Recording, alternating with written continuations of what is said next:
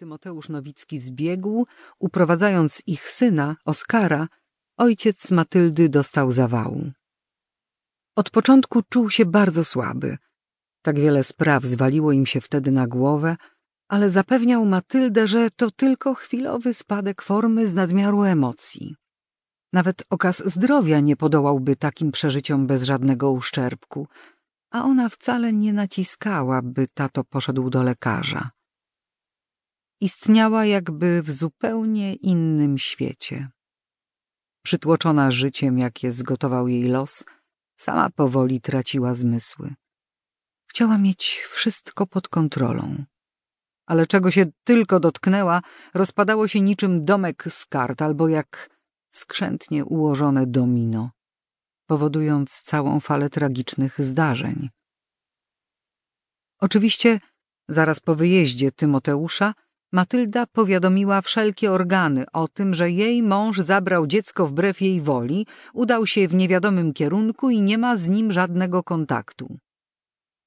Policja początkowo niechętnie zajęła się tą sprawą, traktując wszystko bardzo szablonowo.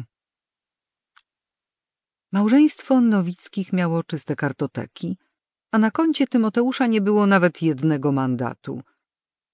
Gdyby chociaż był jakiś ślad, choćby jedno zgłoszenie na błękitnej linii, nie było żadnego podejrzanego punktu zaczepienia. Matylda była zawsze zbyt dumna, by w taki sposób okazywać słabość. W dodatku na komisariacie pojawiła się w towarzystwie Rafała, przedstawiając go jako swojego narzeczonego. Tylko w taki sposób policjanci zgodzili się, by Rafał towarzyszył jej podczas zeznań i by wtajemniczono go w postępy w śledztwie. Policjanci uważali, że zaginięcie Oskara to zwykła kłótnia rodzinna, nieporozumienie, które szybko się wyjaśni, w dodatku bez konieczności interwencji z ich strony. Zwłaszcza, że Matylda, nie chcąc narażać swoich bliskich, podczas zeznań przemilczała kilka faktów. Gdyby miała powiedzieć całą prawdę, musiałaby pogrążyć nie tylko Tymoteusza, ale też siebie. A przede wszystkim prezesa Kota, który, jak już wiedziała, był nieobliczalny.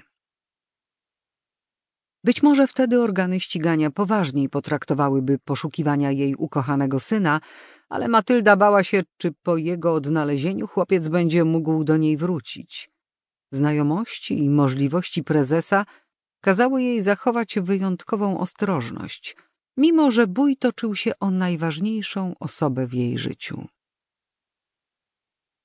Wobec wielu zatajeń i niedomówień policjanci interpretowali całą historię zupełnie inaczej, niezgodnie z prawdą.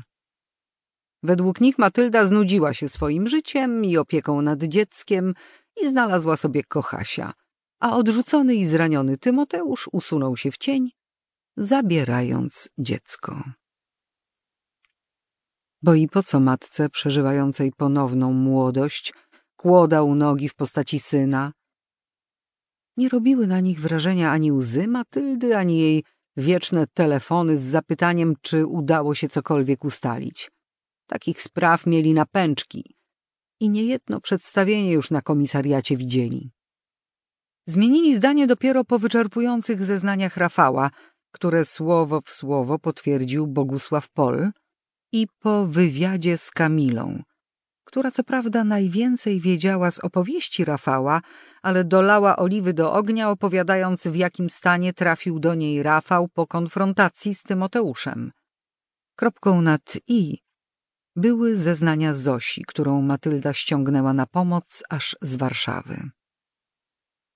Kiedy mieszkali w stolicy, ich pomoc domowa, Zosia, którą Tymoteusz zatrudnił mimo protestów żony, stała się po czasie najbliższą jej przyjaciółką, baczną obserwatorką ich ledwo tulącego się ogniska domowego i powierniczką wszystkich jej sekretów.